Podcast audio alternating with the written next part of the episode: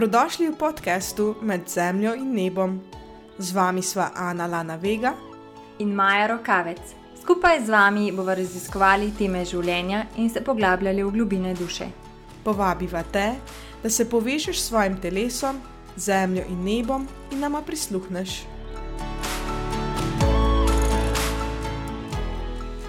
Živijo, tukaj je že najna druga epizoda. In sicer danes se bomo soočali z izzivi novih začetkov. Ko je prišel tale najnovejši projekt, smo se veliko spraševali o tem, kako začenjamo nove stvari, zakaj se jih na nek način bojimo in zakaj nam je tako težko uvajati v življenje neke nove stvari in nove začetke. Ker dejstvo je, da se na dnevni bazi za začetki soočamo pravzaprav čist vsi. Vem, nova služba, um, starševstvo, rojstvo otroka, selitve in tudi tako čist mehne, drobne spremembe oziroma drobni začetki, ko se kaj odločimo. Uh, novi začetki ponavadi v nas vzbujajo en cel kup najrazličnejših občutij. Sploh, recimo, jaz, ki vsako stvar čutim zelo močno, je, se v meni dogaja en cel vrteljak enih čustev. In tudi pred tem podcastom sem čutila pa vznemirjenje, pa navdušenje, pa po drugi strani strah, um, kako bo vse skupaj izpadlo, ali sem sploh sposobna govoriti za javnost. Da... Pa v bistvu, pri teh, ne, ko, so, ko govoriš o strahu, tudi ni nojno, da je vedno strah pred nečim negativnim. Velikrat nas je lahko strah tudi uspeha. V bistvu, mi imamo velikrat prepričanja, da si ne zaslužimo določene stvari, da si ne zaslužimo prepoznavnosti, da si ne zaslužimo denarja, česar koli dobrega pač, in začnemo blokirati tudi na tak način, čeprav vemo, da nas čaka nekaj pozitivnega, da se nekaj iz tega naučimo da pač iz tega rastemo. Ja, ampak ponavadi smo zmer tako naravnani, da zmer gledamo. Dosti negativne stvari, in nas je strah, oh, kaj če pa ne vem, se to zgodi, kaj pa če bo full grozen, pa v bistvu nikoli ni to grozen, kot si naredimo eno pač predstavo. Ja, res je. Ja. Ampak na koncu se mi zdi, ko se lotevamo temo novih začetkov, vedno pridemo nekje do strahu. In se mi zdi, da velik del novih začetkov, zakaj ne naredimo prvega koraka, je vedno prisoten nekako ta strah, ker ljudje pač smo nekako radi v tej coni obdobja in ne maramo preveč sprememb. V bistvu to, ne, da začnemo nekaj novega, pomeni, da se moramo ločiti od nečesa starega. Ja, ampak to ni nujno. Ne? Začeti nekaj novega ne pomeni, da se moramo ločiti od nečesa starega. Lahko samo nekaj dodamo, lahko nekaj nadgradimo, dodamo nekaj, kar je bolj naše, kar nas bolj napolni.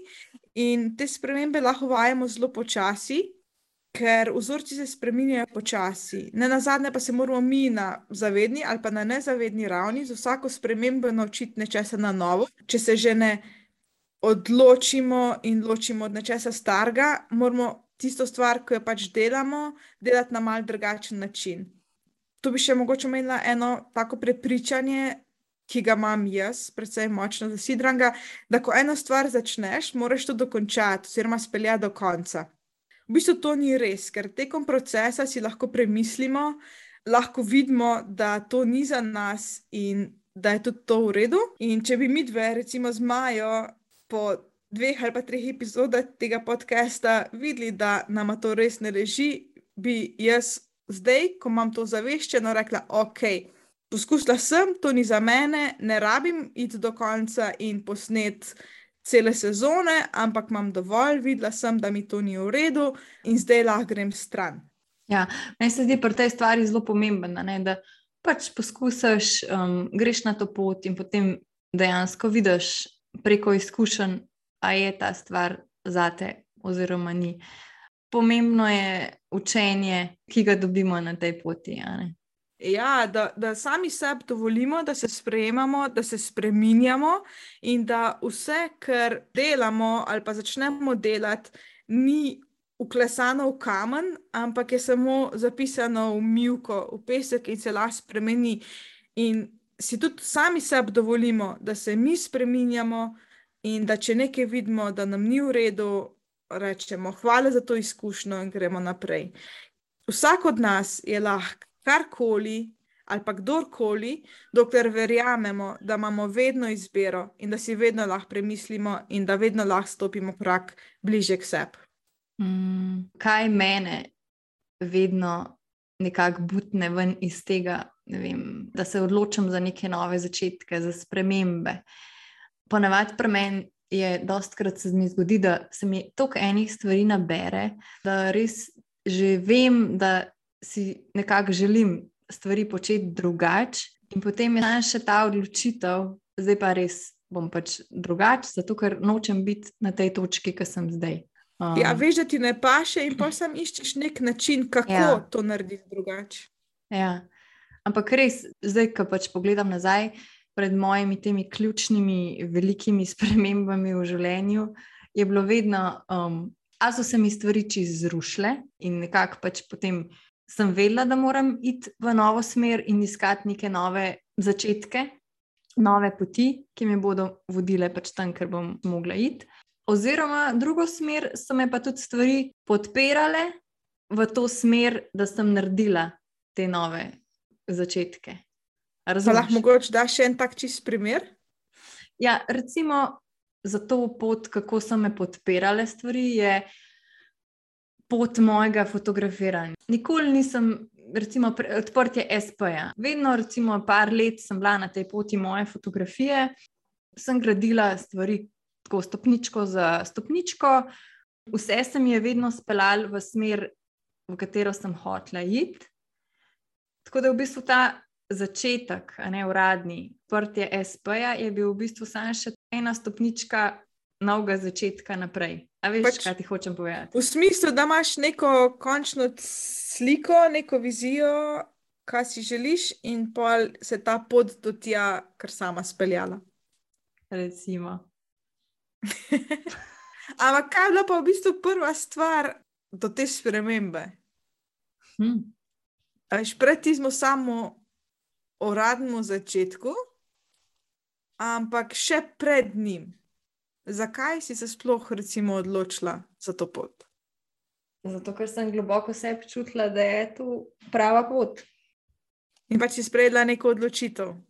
In ja. če ne bi sprejela odločitve, ne bi speljala nobenega koraka naprej. Pa bi lahko rekla, da v bistvu iz tega izhaja, da preden narediš nek nov začetek, moraš sam pri sebi se odločiti, da si ga zares želiš. Tako je. Se mi zdi, da je zelo pomembno, da na tej poti res gradiš to vizijo in imaš sanje. In gradiš, gradiš, gradiš, gradiš, in potem v neki točki pač pride ta moment, ko začneš stvari spuščati. Pač, mislim, spuščati, oziroma pač graditi na novo. E, ampak kaj bi pa ti to rekla, kaj mi delamo s tem podcastom, ki nimamo cilja? Going with the flow. ja, se poti so pač različne, ne, do teh novih začetkov. Ampak tako, no, nekako zdaj mi je to prišlo, da v bistvu. Ali imaš to, da se ti v enem trenutku res vse zruši, in rečeš, zdaj pa dost, in se odločiš za nov začetek. Oziroma, te mogoče življenje tudi na drugi strani podpira, podpira in te vleče v to smer, in te skozi nakazuje. In ni nujno, da se ti zdaj pač vse v enem trenutku zruši, ampak se še zmeraj lahko odločiš na tisti točki, ki si rečeš: O, poglej, življenje me res ful podpira v to smer, in zdaj sem pa jaz pripravljena, da začnem nov začetek. Ja, in da sam nadaljuješ to, kar ti življenje ponuja. Nekako. No, Fulano si to povedala, mi všeč, se lahko poistovetim. Se pravi, zdaj smo rekli, da v bistvu prvi korak na poti do neke spremembe, do nekega novega začetka je odločitev, da tam, kjer smo v tem trenutku, ni ok. Tako je. Ampak stvari se pa ne bojo naredile, ker same od sebe. Ampak ne, moramo nikoli. mi narediti nekaj. Ne? Brca v rit in gremo. Ja, ej, ampak zakaj pa velikrat ne pride do te akcije? Zato, ker se nam ne da. Ej, pa prej si rekel, da nas je strah. Ja, zato ker nas je strah, ker se mi zdi, da eno izmed najbolj omejujočih prepričanj je pač strah. Um, ali nas je strah nečesa neznanga, ker ne vemo zdaj točen, kam gremo, in nepoznano okolje je predstavlja čist grozne stvari za nas. Potem velikrat nas je recimo tudi strah, ah, se itak nam bo spodletel, se ne bom dosegla ciljev, in se zaradi tega ne upamo iti na to pot.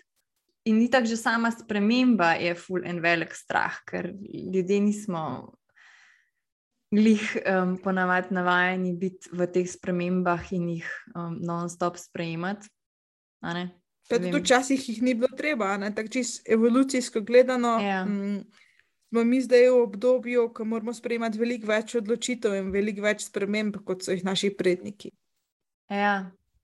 Pa tudi veliko bolj vidne so te naše odločitve, ponavadi, ker imamo širši krok ljudi, s katerimi se družimo, naša beseda lahko gre dlje, kot je šla včasih. Slišijo nas ljudje, ki nas ne poznajo, in ljudje, ki nas poznajo. In včasih je doseganje pričakovanj ljudi, ki so nam blizu, lahko tudi teže kot tistih, ki nas ne poznajo.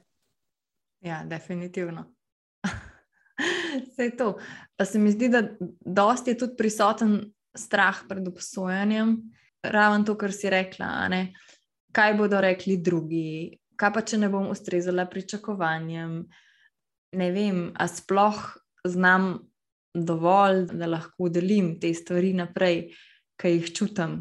In se mi zdi, da vse te stvari prihajajo iz našega otroštva, iz, ker nikoli nismo bili dost slišani, dost um, vredni, dost, pač nikoli nismo bili dovolj. Ja, nismo bili dovolj, ampak a veš, a zdaj pa smo sami sebi dovolj.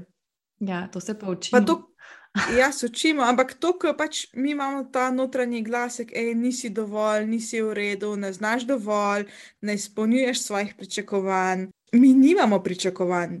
Pričakovanje ima naš ego in naš ego sovraži, da mu nekaj ni poznano, da nima kontrole. In vsi ti negativni občutki, a so res negativni, a so sam negativni. Nobeno čustvo, noben občutek, po mojem mnenju, ni sam negativen. Mm. Uh, predvsem zaradi tega, ne, ker, to, ker ima ogromen potencial za rast. Ja, In, jaz, recimo, sem se, jaz sem se zelo soočala z vsemi temi občutki na moji poti, pa čez PJ. In recimo, zelo zanimivo mi je zdaj pogledati nazaj, kako sem recimo sprejemala kritike. Um, prav spomnim se tako vseh momentov, ko so stranke recimo prejele moje fotografije in večinoma so bili vsi zelo zadovoljni in oh, krasen in mi pošiljali same v narekovajih, ne pozitivne kritike. Um, in to mi je bilo zmerno tako, oh, piha, pihanje na dušo, ne in mi je bilo tako, pač res mi je bilo fajn. In mi je dal neko potrditev, o, ful dobro delaš, res si na pravi poti. Ampak še zdaj, no, res se uživo spomnim vseh trenutkov, ko sem dobila pač negativne kritike. Mene je v teh trenutkih to vedno sesul in tako, vedno sem se vprašala, ali sem zdaj na pravi poti. Sicer sem pol tekom let ne, prišla tudi do tega samo spoznanja, da v bistvu odraz, kako pač ljudje vidijo z fotografije, je odraz njih samih, kako pač se tudi sami vidijo, in da to zdaj ni nujno moja stvar, ampak jaz, recimo, v tistem trenutku res se pač potrudim maksimum, dam sebe noter, naredim, kot tudi jaz v tistem trenutku najbolj znam in vem, in dam celo sebe noter. Ampak spomnim se teh občutkov, no, kako je ta kritika mene takrat prizadela. In jaz sem lahko se bom nehala fotografirati, to je pač res me ful bolel. Ampak, a, ne, a je zdaj pač nekaj negativno, oziroma a je zdaj nekaj pozitivno? Po mojem, je to spet vprašanje tega.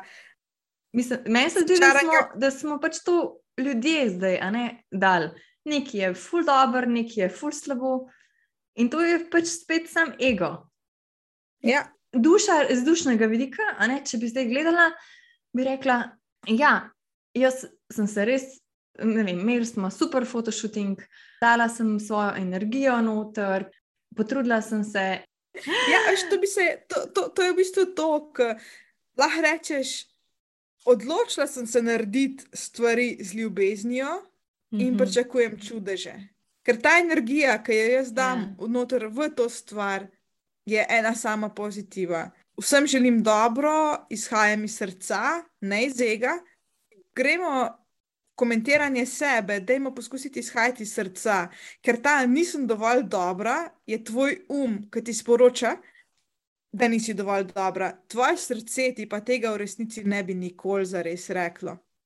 A veš, to je tako kot po svoj dom ne bi nikoli povabila tu. Zakaj bi dovolila svoje mislim, svojemu egu, svojemu negativnemu so, samogovoru, da kradejo tvoje veselje, dobro počutje, srečo in dobre občutke, ki jih imaš ob tem, ko delaš eno stvar, pretep, ko pač fotografiraš osebo na drugi strani kamere in da se pa ti negativni glaski naselijo v tvoji glavi. Zakaj bi to hotla?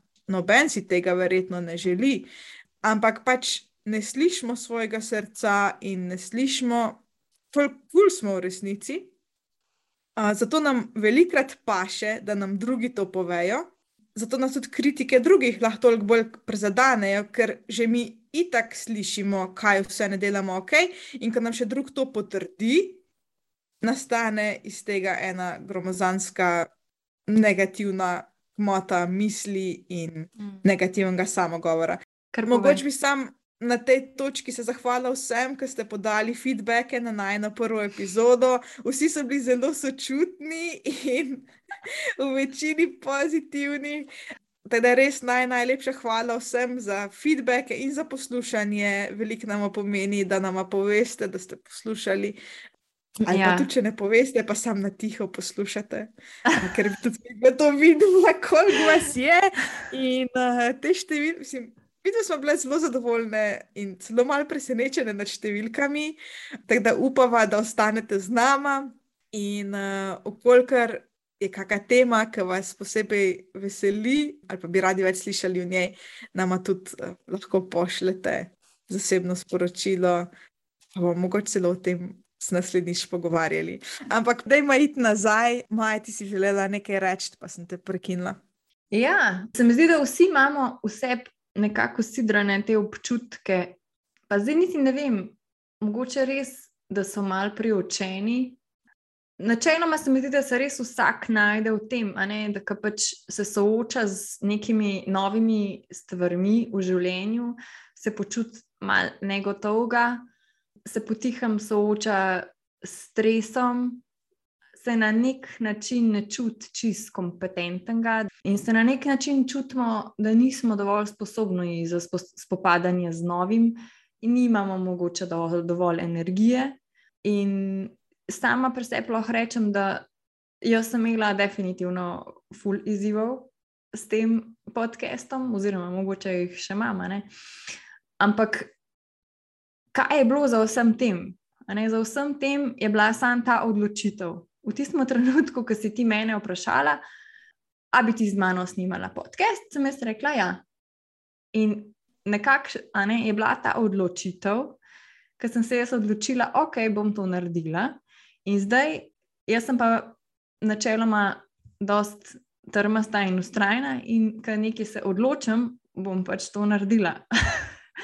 in sem se na tej poti, ne, zdaj spopadala s tem, da nisem dovolj sposobna, nisem se čutila kompetentna, bila sem pod stresom, bila sem v negotovosti, kaj bom pa zdaj povedala.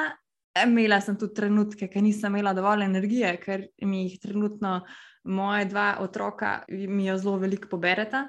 Ampak, a ne, ker je zadnji bila ta odločitev, sva zdaj tukaj na tej točki, ki sva in snimava ja. podcast. In zdaj, in zdaj tudi veva, da najna vrednost ni enaka zunanjemu uspehu, ampak je najna vrednost pogojena s tem, kako se mi dve počutva ob tem, ko to snemava in kako mi dve rasteva um, ja, ob tem ja. podkastu. In tako, kot sem jaz že prej povedala, ne, ta izvor strahu, ki ga imamo, je ponavadi res izvira iz otroštva, ker nismo bili dovolj dobri, ker nismo dobili dovolj ljubezni, ker nismo bili slišani. In kaj je najbolj pomembno na tej naši poti? Najbolj pomembno je to, da se mi tega strahu zavedamo. In ko se zavedamo tega strahu, je že pol stvari narejenih. Ampak to zavedanje in spuščanje strahu je pa pač proces. Ne? ne moramo zdaj kar čez, ne vem, čut, občutiti v eni točki strah in reči, ah, sej, sej ni nič, sej bom že šla čez to. Ampak greš to pač postopoma. Ja. ja, in strah v bistvu lahko sproščamo na dosti podoben način kot vsa ostala čustva, ker strah je čustvo.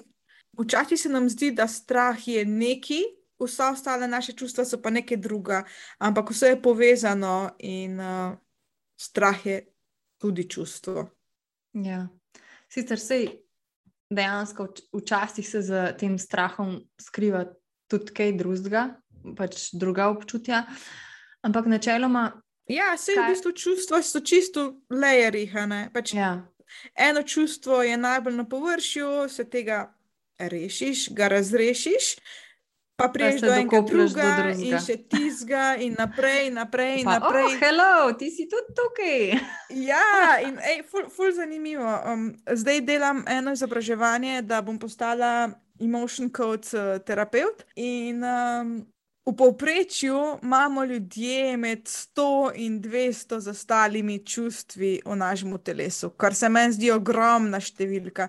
Ampak, če pogledamo, na kaj vse nas ta čustva lahko vežejo, zdaj ali nas veže na nek dogodek, lahko tudi 30 let nazaj, ali um, na fizično bolečino, ali na nek cilj, ki ga imamo, pa nas to čustvo dejansko zavira pred doseganjem tega, se mi pa v bistvu to sploh ne zdi tako velika številka. In razumem, da se nam vedno znova lahko nalagajo nova in nova zastala čustva, ker nikoli jih ne bomo prav zares čist, čist, čist, čist vseh razrešili. Ja.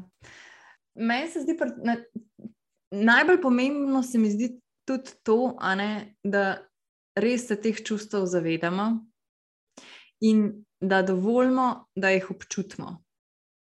Ker veliko ljudi se mi zdi, da ta čustva polkar nekam da na stran in jih potlač, ah, se ni nič, in v bistvu se na nek način boji soočati s temi čustvi, ki so v ja. njih. Ampak, veš, to smo bili naučeni. Ja? Mislim, še zdaj, pač, če se nek otrok mm. pade, pa ga boli, vse velikrat slišimo. Ah, ja, se ni nič, nič ne jokajo. Ne jokajo. Ja. Oh, je že v redu. Mm. Uh, pa ta je že v redu, še ni toliko. Ne, mislim, ne spodbudi tega hudega rafala, drugih čustev od zadaj. Ampak to ne jokaj, Ja, recimo, pač, vse ni nič, že to je ja. meni pač čist preveč. Ker je preveč, se strinjam, po... ampak jih je še veliko ful močnejših. Mm. No, sam to sem želela povedati, ampak ja, mi je ja. ful dobro, ja, pač, da, da, se, da, da poveš isto. Ja. Recimo, no, kaj tudi jaz delam preseb, oziroma tudi z mojim sinom. Zaprav, vedno, ne, ko je prisoten nek strah, pač sam dovoljujem, da je v meni. Ga občutam, dovoljujem, ok, v redu je, začutim ga res vsej moči, ta strah in si rečem, pa, lej, bod tukaj. Ampak to in... misliš čisto v, v tem doživljanju, da ga prepoznaš in ja, ozavestiš. Ja, ja. Rečeš, ok, res ja. me je strah. Ja, res me je strah. Ok, v redu je, pač lahko me je strah. V bistvu, da si dovoljujem, da me je strah. Hulja. Mm. In potem grem v telo, zamižim, diham in pogledam, kje v telesu se ta strah nahaja. In ga prepoznam, ki je v telesu. In mu spet dovoljujem, da je tam, in potem grem do te točke, da nekako izrazim ta strah, oziroma pač to čustvo, kjer koli že je, zdaj v mojem telesu. In jaz to ponavadi počnem, da jokam. Se pravi, ali da se zjokam, da ga res pač to čustvo tako močno začutim, da se zjokam, zjokam, zjokam in se vzelijajo. Včasih ga tudi preplešam. Recimo, jaz hodim na šakti jogo, ki je fenomenalna praksa za izražanje vseh čustev, ki so v nas. In recimo na šaktiju vsa čustva v bistvu preplešaš.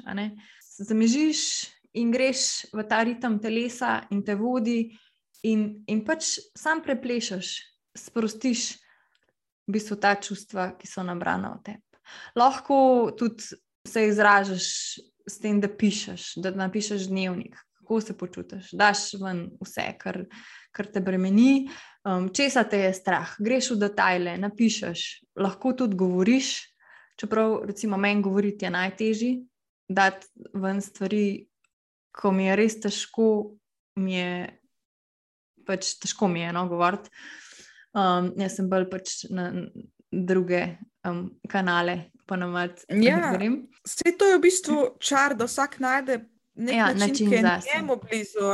In pač tudi v takih primerih, če greš točt pošter, če, če mm. brcaš nekaj, seveda, no, da ne, poskuš, ne poškoduješ sebe ali pa druga. Boksarska vreča. Ja, pač to ni, ni nič narobe, če to delaš. In točno ta način, ki ga ja. zdaj opisuješ, je ful dobr tudi za otroke, ker oni mm. čustev še ne poznajo, njuni, njihovi možganski podovici še nista povezani. In v bistvu ravno s tem, ko jim damo dovoljenje, ja, lahko jokaš, jokaj. Kaj pa misliš, da je, ali pa nek dogodek, ki se je zgodil, kje pa to občutiš v telesu? Ok, um, ne vem, pa, a misliš, da ga lahko premagaš, da lahko gre ven iz tebe, uh, kaj pa si želiš narediti v smeri s tem. Pač to je zelo dobra vaja, način, da usmerjamo tudi otroke in jih naučimo čustvovanja in ne zatiranja svojih čustev. Ker na tak način se mi zdi, da lahko vzgajamo čustveno odrasle osebe. Hmm. Ja. Jaz, recimo, pred sinom, mi dva se ne pogovarjava veliko, ampak pri njemu recimo, je res tam pomemben to, da sem ob njem in mu pač povem, v redu je, tukaj sem, lahko jokaš, lahko kričiš in sam pač izraz, pač mu pustim, da je izraz skrčut. Včasih to traja 10 minut, včasih traja 20 minut, včasih traja 45 minut se je že zgodil, ne, da je toliko časa jokal in, in kričal, in tudi me hotel udariti, ker ni vedel, kam s temi nabranimi čustvi, ki so bili v njem. Ampak jaz sem bila tam ob njem in sem bila pač res polno prisotna, v polni ljubezni, in nisem mu sicer pustila, da me je udaril, ne, sem pač postavila mejo. Uh, najbolj mi je fascinantno res opazovati ta proces, ne, kako v bistvu prek veliko načinov ne, izraža, potem joka, kriči, um, brca. Um, tudi velikrat se je že zgodilo, da je mami stran, mami stran, ne, mi ni hotel obsep, ampak sem dala, ne vem, malo um, distance, ampak še, še zmeraj sem bila pač tam blizu njega. Um, in ko se je ta proces tega izražanja čustva pač zaključil, in ko je dal te nabrane. Um, uh, stvari, občutke. občutke ven, je on z vsemi temi pač stvarmi, ki jih je počel, pustil. Tako v enem trenutku se je samo, recimo, pač vse sprostil in je bil on drug človek. In, tako, in me je ubil, in me je stisnil. Tako res je. Um, Zanimivo pač da otroci imajo še eno stvar, pač, da oni res full hiter lahko um, prehajajo med temi ja, ful hitro sprocesirajo in hitro prehajajo med čustvi. Odrasli, ful teže to naredimo. Uh, zato vidimo nekega otroka, ki se na polno joče in potem čez par minut se že lahko histerično smeji in res uživa v trenutku.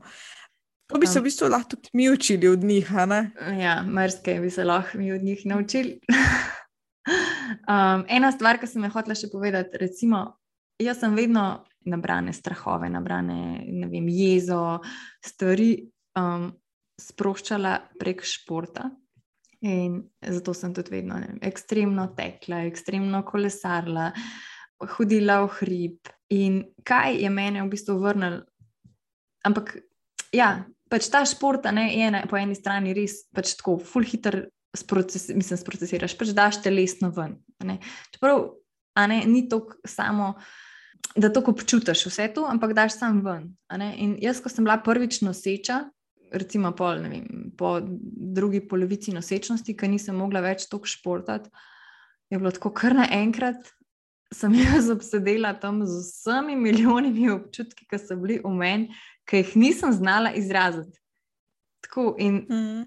res mi je bilo težko obdobje, ker sem bila z unim trebuhom, v meni še hormoni so naredili svoje, jeza, strahovi, um, milijon enih stvari in enih tudi travm potlačenih, ki jih res nisem znala dati ven. In takrat no, sem se začela malo tudi s temi stvarmi bolj um, zavestno um, ukvarjati. Nekako probam. Znaš pohendlati. Probam plut z njimi. In sicer na koncu v bistvu sem prišla do tega, da vse je samo en proces zdravljenja. In sicer zdravljenje občutkov iz otroštva, mogoče kakšnih dogodkov, ko smo bili nemočni, ko nismo bili slišani, ko nismo bili ljubljeni, ko nas niso videli. V bistvu vsak dan imamo priložnost, da ozdravimo vse te občutke iz otroštva in v vsakem trenutku zdaj lahko kreiramo drugačno situacijo. Zato je pomembno, in zato smo se tudi mi dve odločili um, za ta podcast, da greva na to pot, da se znebiva zakoreninjenih prepričanj in preprosto rečeva, ja, si upava in narediva stvari drugače. Je potrebno nekaj poguma, predvsem je pomembna ta odločitev, in gremo na to pot. Ja, in vsaka sprememba, ki jo naredimo, je v bistvu že sama po sebi nov začetek. Je to priložnost za novo izkušnjo, in tudi če nam kdaj spodleti, ne smemo obupati, vedno lahko poskusimo znova in verjamemo, lahko, da ima življenje za nas vedno najboljši plan in da smo vedno prav v tisti situaciji, v kateri moramo biti. In da je vsaka izkušnja, ko jo dobimo, šola ali pa sam neka podlaga za naslednjo izkušnjo, za naslednji izziv, in da vse, kar enkrat naredimo, nam nekoč v prihodnosti, sigurno pride prav. Um, če ne točno na tej poti, ki smo si jo začrtali, pa nekje drugje, mogoče v drugem kontekstu. Velikrat smo sami do sebe veliko preveč zahtevni, in um, se sploh ne zavedamo, da vse to, kar doživljamo zdaj, kar izkušamo zdaj, je samo učenje, in da itak nikoli ne bomo obvladali in naredili perfektno čisto vsega, česar se lotimo. Če bi, bi to pomenilo, da smo dosegli svoj polni potencial in da se sploh ne moramo več razvijati, kar bi bila pa velika škoda. Tako vsaj vemo, da lahko vsak dan naredimo nekaj drugače in iz vsake izkušnje, ki jo doživimo, rastemo večkrat na dan se moramo to spomniti. Mm, meni se zdi, da je zelo pomembno, da se zavedamo. Jaz si recimo večkrat rečem, da sprememba je edina konstanta v mojem življenju. In spremenjati sebe in ne ostati na istem mestu je ključnega pomena. In stopiti ven iz to neodobja in delati stvari na sebi, in biti vsak dan boljša, najboljša verzija sebe. Za spremembe pa se moramo odločiti, ampak za njih se velikokrat ne odločimo samo zaradi tega, ker je v situaciji, v kateri smo, vemo sicer, da nam ni najboljše, ampak ustrajamo v njih zaradi tega, ker nam je še vedno znosno. Težko se je odločiti, ker nas je strah sprememb. Čeprav se ne počutimo ok, in smo ostali v enem dreku, kjer nismo ok, ker nismo super, ker verjamem, da bi se vsak mogel v vsakem trenutku svojega življenja počutiti v redu. Ne bom rekla super, zaradi tega, ker pridejo seveda slabi trenutki, ampak so tudi priložnost za rast. Ampak predvsem ostajati v svoji energiji, se ne zadovoljiti z nečim, kar na dolgi rok ni najbolj za nas. Ja, no, pač ustrajamo v tem svojem življenju, zaradi tega, ker nam je znosno in zaradi tega se ne odločimo, ker vsaka odločitev prenese določeno tveganje. strah pred nepoznanim. Um, ampak, če se ne odločimo, ne moramo pobrati vseh nagrad, ki nas čakajo na drugi strani tiste meje obdobja. Slovenci imamo še tudi eno tako zelo zanimivo prepričanje, morali bi biti zadovoljni, drugi pričakujejo, da sem zadovoljna s to službo. Pač, zakaj se pritožuješ, če pa imaš to in to. Zakaj bi si sploh želel več? Tako da je želeti več nekaj slabega, da moramo biti vedno srečni in zadovoljni s tem, kar imamo. Zakaj? Kdo je to rekel? Ja. Pač ta glas, ful, velikrat utišamo. Tako kot sem prej rekla, spremembe so dobre, so priložnost za rast, in nikoli ne vemo, kaj nas čaka, če se ne odločimo narediti prvega koraka. Mm -hmm. In imamo pravico da smo srečni, zadovoljni, da imamo najboljšo službo, kot si jo lahko zamislimo, da imamo najboljši vem, partnerski odnos, kot si ga lahko zamislimo, da imamo dobre odnose z drugimi ljudmi. Moramo pa nekaj narediti za to, seveda. Ja, to se pravi, to so spet ena prepričanja, ne? da nismo dosti vredni, da si ne zaslužimo, da moramo biti mehni da ne, sosedovi francoski pa ja ne more, ne vem, uspeti v življenju, če pa ona pač ima tri otroke in ona je bo doma in kuha in uh, ne vem kaj in si ne zasluži, a ne boljšega življenja. Ja, ona ne, ne sme biti v svoji polni moči. Mislim, ja. pač ne pravim jaz, da ona ne sme ali pa ne more biti. Seveda je no, pač to so spet ta si... naša prepričanja, ne, da, ja, da, ker smo ne vem, nevoščljivi ali ali pa karkoli. Ja. Ampak je v bistvu, ne, kaj je tukaj zadnji? Tukaj zadnji je samo to naša lastna moč ne, in prevzemanje odgovornosti za svoje življenje in si reči, da ja, jaz imam pravico biti srečna in uspešna. Oziroma, srečen ja. in uspešen. Velikrat pa se bojimo biti srečni in uspešni. Ja, večino pač časa. Bojimo se svoje lastne moči. In zakaj? Ja, Verjetno zato, zato ker, ker ne poznamo. Ne poznamo, ja, in ne, pozna, in ne vemo, kako je biti srečen in uspešen, in biti jaz, jaz, in pri tem biti super. Ne vemo živeti, kak, ne vemo, kako živeti v svoji resnici, ker ne poznamo sebe, naše srce in v bistvu tudi naša maternica, če smo ženske, pa veste, Velikrat lahko njih vprašamo za nasvet. Jaz včasih um, se obrnem ali na srce, ali na maternico, poskusim začutiti, um, a je situacija, v kateri razmišljam, meni, v mojem srcu, ok, a je moji maternici to v redu. In se lahko zraven vprašam, ali se dobro počutim, ko to delam, kaj mi pravi moja glava, je eno, kaj mi pravi moje srce, je drugo, kaj mi pravi moja maternica, pa je včasih lahko tretje. Ni nujno, da je isto, kot pravi moje srce. Jaz sem v tem do, dobra, želim v tem postati dobra, se nekaj novega naučiti. In potem, ko imamo v bistvu cel sklop tega, odgovore na vsa ta vprašanja, lahko najdem tisto, kar je zares v skladu z menoj. In če je pač vse pokonektano, um, je to to sem na pravi poti in sem v skladu s seboj kot celoto, sem v svoji polni moči. In ko dobiš ta ja, ja, ja greš v akcijo. nad, pa greš v akcijo? Na, ja, na poti te akcije je pa zelo pomembno, da sanjamo velike sanje in da tudi naredimo vizijo oziroma plan, kaj je tisti glas v nas, kaj si želi, kaj si želi srce, oziroma kaj si želi duša. Pomembno je, da prepoznamo stvari, ki ne vibrirajo več z nami in bi jih radi spremenili. Zato pa res potrebujemo dost jasnosti.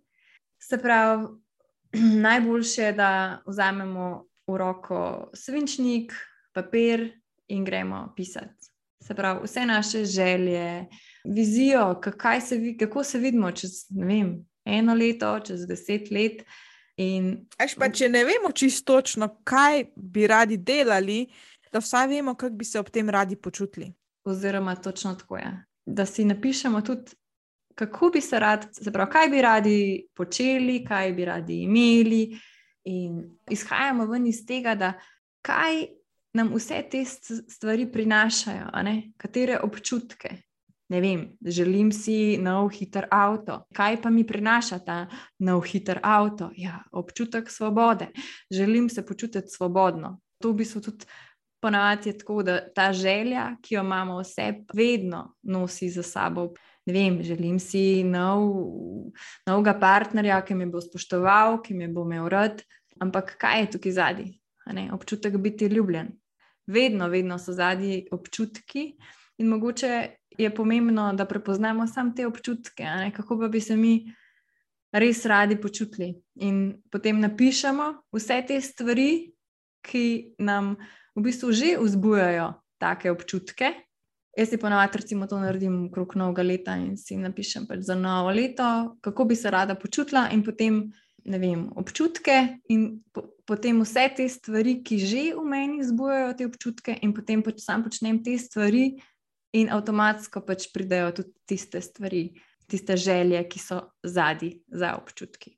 Da, ja, in velikrat vidiš, da v bistvu stvari, ki misliš, da si jih želiš, sploh ne rabiš dobiti, ker občutki, ki jih iščeš, so že v tebi. So že v stvarih, ki jih že lahko pač dnevno počneš. Ja. Ja, zato pač pomembno je, da dobimo res to jasnost prek skiciranja, prek zapiskov.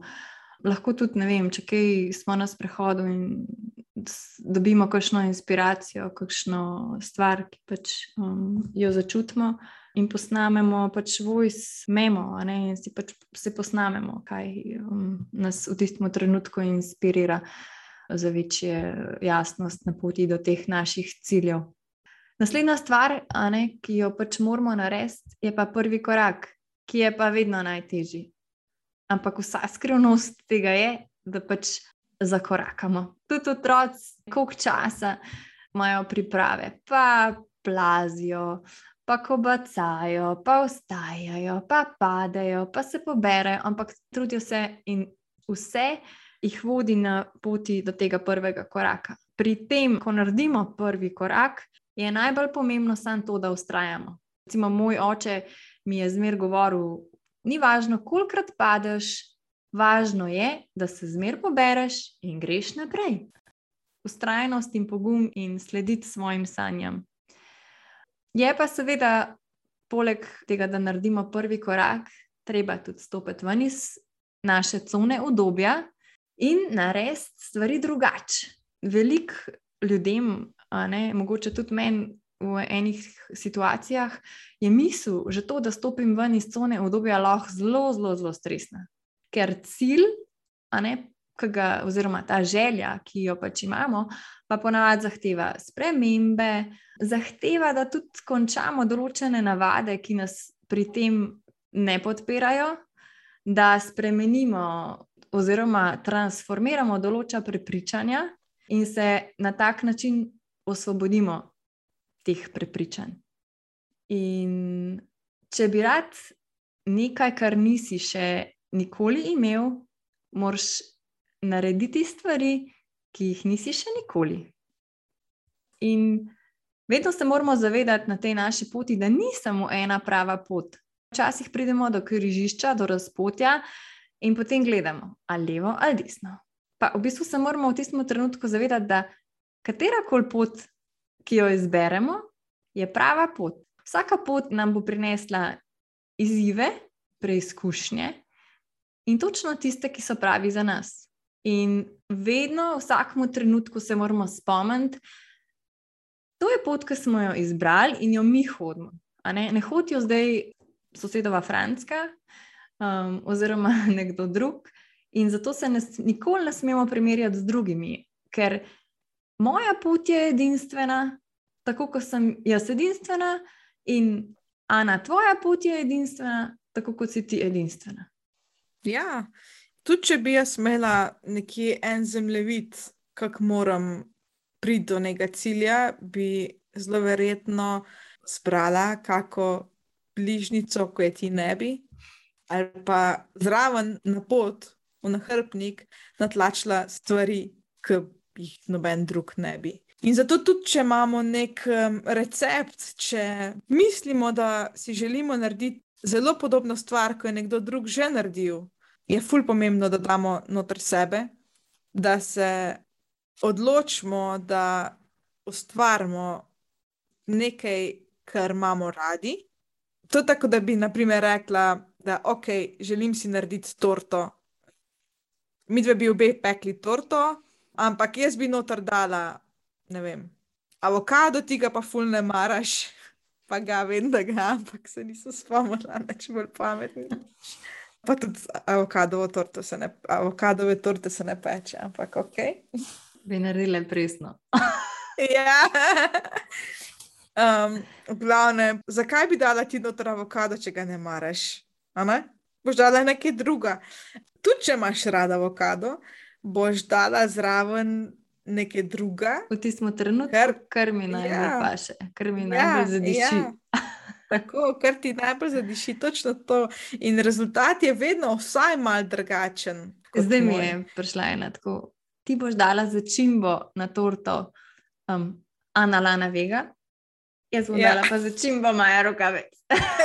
je unikatna in take začimbe. Um, tako si lahko predstavljate, da vi ste tista začimba, ki kreira in naredi, um, naredi to stvar, ki jo dajete v svet, edinstveno in unikatno. Ja, vaša začimba, vaša ljubezen, vaša unikatna stvar, ki nima noben drug.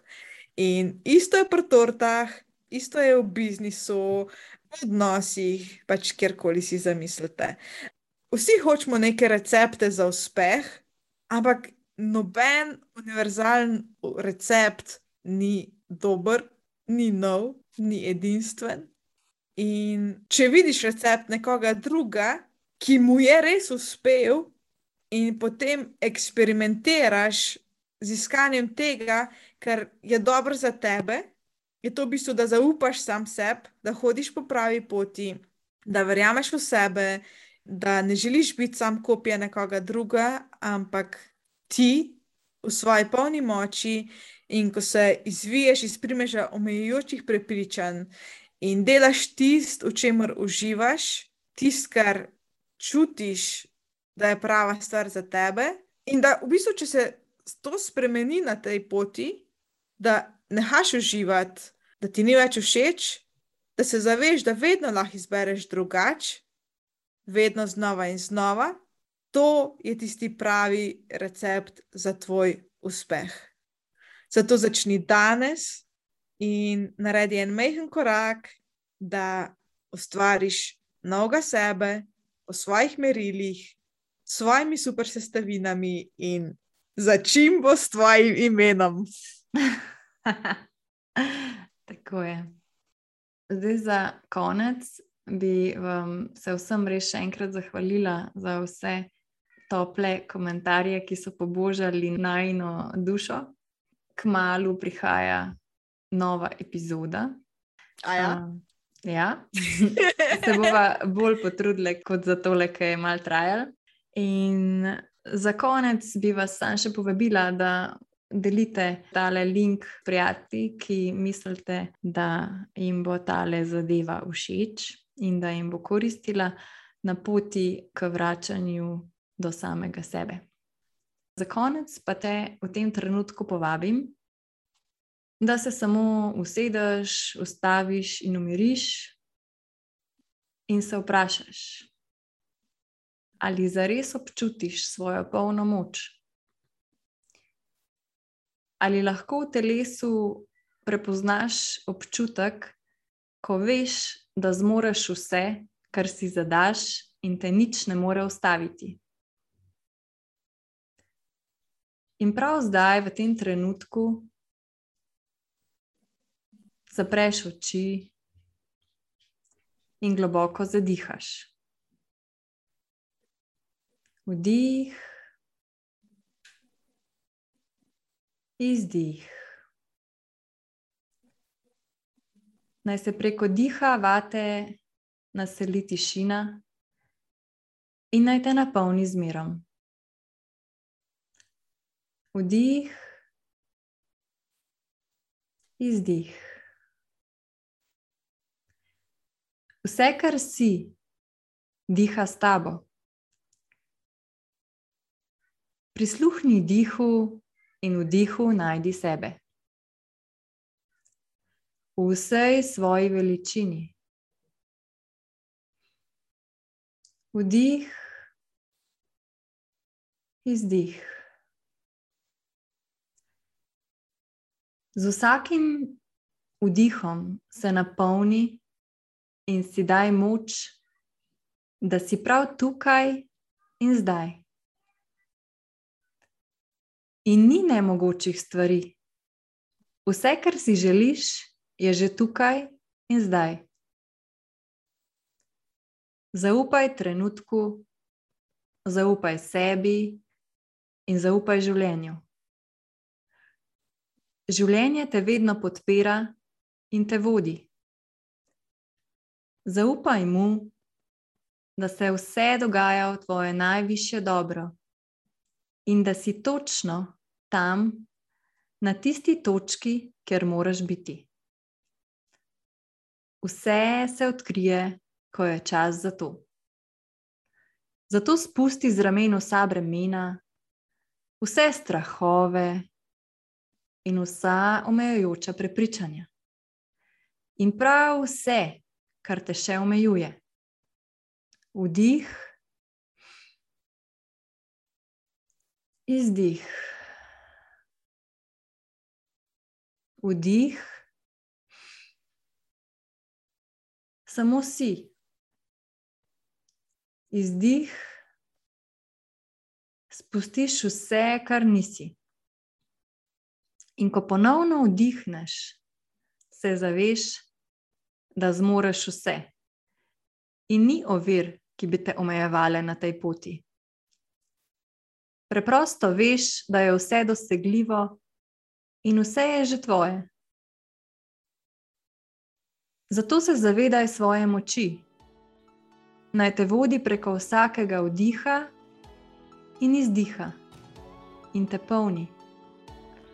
In ko pozabiš na to svojo moč, se samo ustavi in ponovi vajo. Vdih, izdih in se napolni.